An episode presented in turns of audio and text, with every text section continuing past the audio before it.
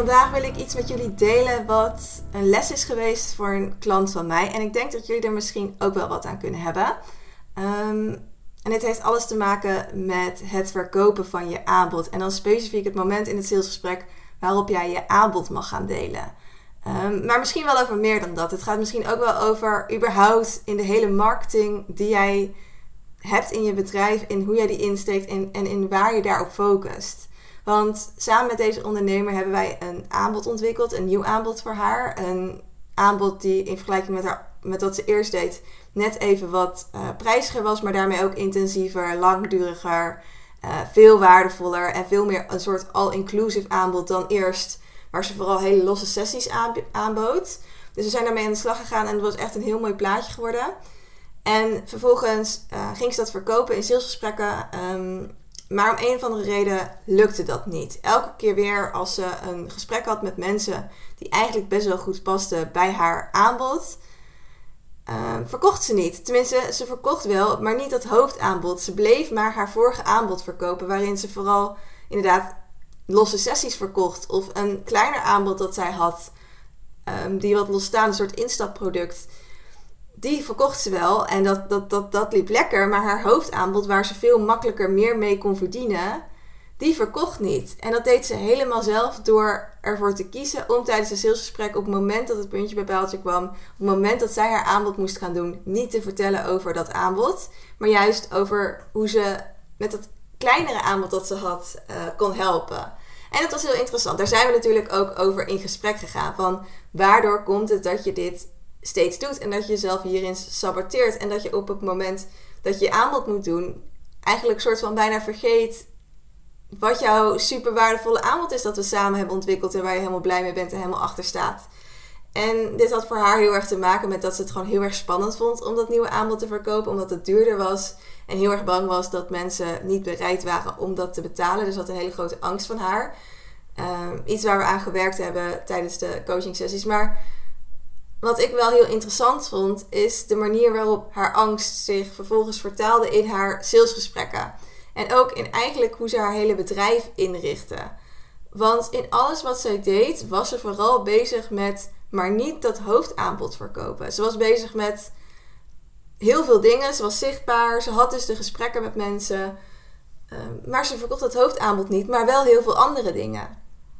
En dat is iets wat misschien ook nog wel eens het geval kan zijn in jouw bedrijf. Want ik zie dit vaker bij ondernemers. Dat ze bijvoorbeeld bedenken van oké, ik ga een, um, een hooggeprijsd high-level aanbod toevoegen aan mijn, um, aan mijn ja, aan aanbod, zeg maar. Dus dat je een extra aanbod toevoegt.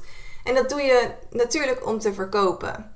Maar wat ik dan vervolgens heel veel mensen zie doen, is ergens half die keuze maken van oké, ik wil een hooggeprijsd aanbod hebben. Dus dat voeg ik dan maar toe aan mijn aanbod. Ik zet het op mijn website en dan kijk wel weer verder. Maar op die manier gaat het natuurlijk niet verkopen. Op het moment dat jij ervoor kiest om met hogere prijzen te gaan werken, is het wel van belang dat je ook daadwerkelijk in je marketing en in je sales daarop focust. En niet vervolgens omdat je het eigenlijk super spannend vindt, maar blijf doen wat je altijd deed. Want dan gaat er niks veranderen. Dan blijf je maar allemaal losse, losse klantjes hebben die alleen maar één sessie boeken en daarna weer weg zijn. Of die uh, elke keer weer een nieuwe sessie boeken. Of weet je, dat totaalpakket wat het veel makkelijker maakt om te ondernemen. En het veel makkelijker maakt om hogere omzet te draaien. Om dat maar niet te verkopen. En ik moet heel eerlijk zeggen dat ik zelf ook um, hier last van heb gehad. Dat ik zelf ook een aanbod had die er wel was, maar die ik eigenlijk nooit benoemde. Um, maar dat vind ik een hele interessante. Want je hoort wel eens mensen zeggen van oké, en ik heb, ik heb het advies zelf ook wel eens gegeven van bedenk naast je huidige aanbod ook nog een soort van VIP-aanbod. Dus een aanbod die net even wat duurder is dan de rest van wat je aanbiedt. Net iets wat intensiever, net iets wat exclusiever is. En dat ga je voor een hoge prijs doen. En dat zet je gewoon op je website klaar. En wie weet verkoopt het. En weet je, als je op die manier erin staat, dan kan je daar natuurlijk voor kiezen. Maar op het moment dat jij echt de keuze wil maken om meerdere hooggeprijsde producten te verkopen, meer, vaker je hooggeprijsde aanbod te gaan verkopen, gaat dat niet werken als je het alleen maar op je website zet en vervolgens er niet mee, niks meer mee doet. Ja, het is misschien goed om het sowieso in de achterhoofd altijd te hebben, maar je gaat het pas verkopen als je erover gaat praten. En zeker in een salesgesprek, als jij ook daadwerkelijk gaat benoemen dat je dit aanbod hebt. Zeker als je iemand in gesprek bent bij wie dit perfect past. Dit is even wat ik met jullie wilde delen. Ik ben heel erg benieuwd of je dit misschien herkent. Of je misschien bij jezelf, misschien bij andere mensen. Ehm, in ieder geval dat je er een les uithaalt. Dat als je een keuze wil maken voor een bepaald aanbod, dat je er helemaal weer voor wil gaan.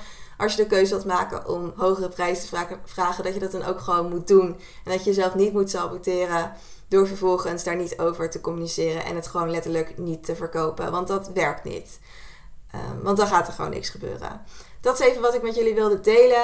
Um, ik, wil heel erg ik, wil, ik wil je heel erg bedanken voor het luisteren naar deze aflevering. En um, ja, als jullie iets, te hebben, iets hebben van een reactie, een les die je eruit haalt.